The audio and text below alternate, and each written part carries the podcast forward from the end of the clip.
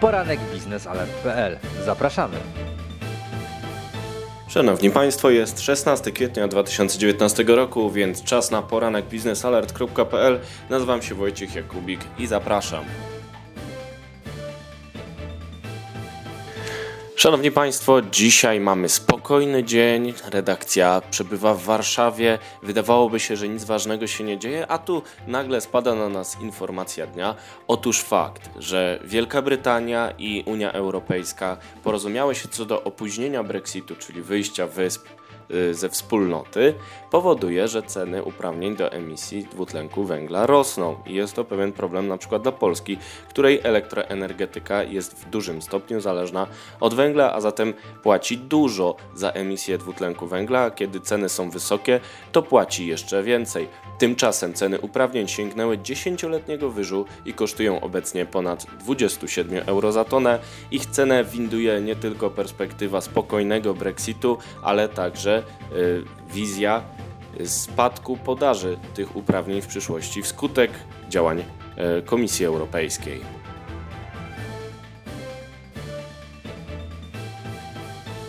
Informacja dnia numer dwa to fakt, że premier Rzeczpospolitej Polskiej Mateusz Morawiecki rozmawiał z Elonem Muskiem o rozwoju elektromobilności. Nie wiadomo, co panowie ustalili, czy Elon Musk przyjedzie do Polski, czy dostarczy e, ale na pewno e, Morawiecki powiedział, że chce przyciągać kapitał amerykański na nowoczesne inwestycje, bo to się przekłada na wysokopłatne miejsca pracy. Gigafactory w Polsce? Ciekawe.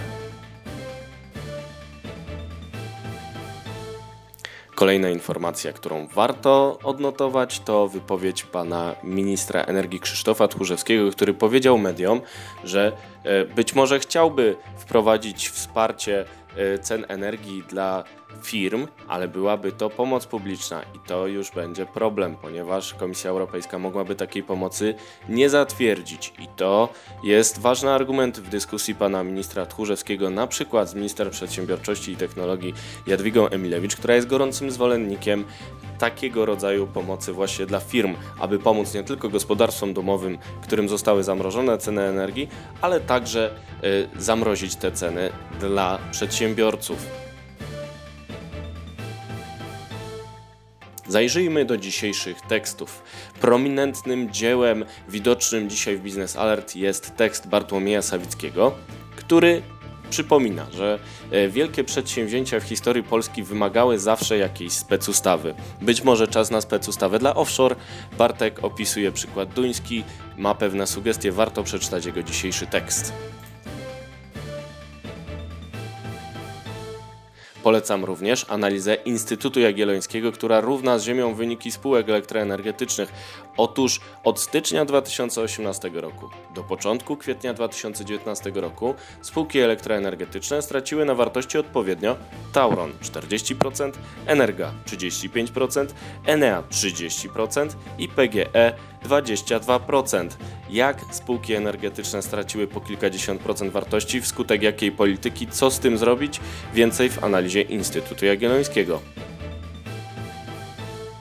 Chciałem polecić także tekst Józefa Sobolewskiego, którego Państwo na pewno dobrze pamiętają z Ministerstwa Energii.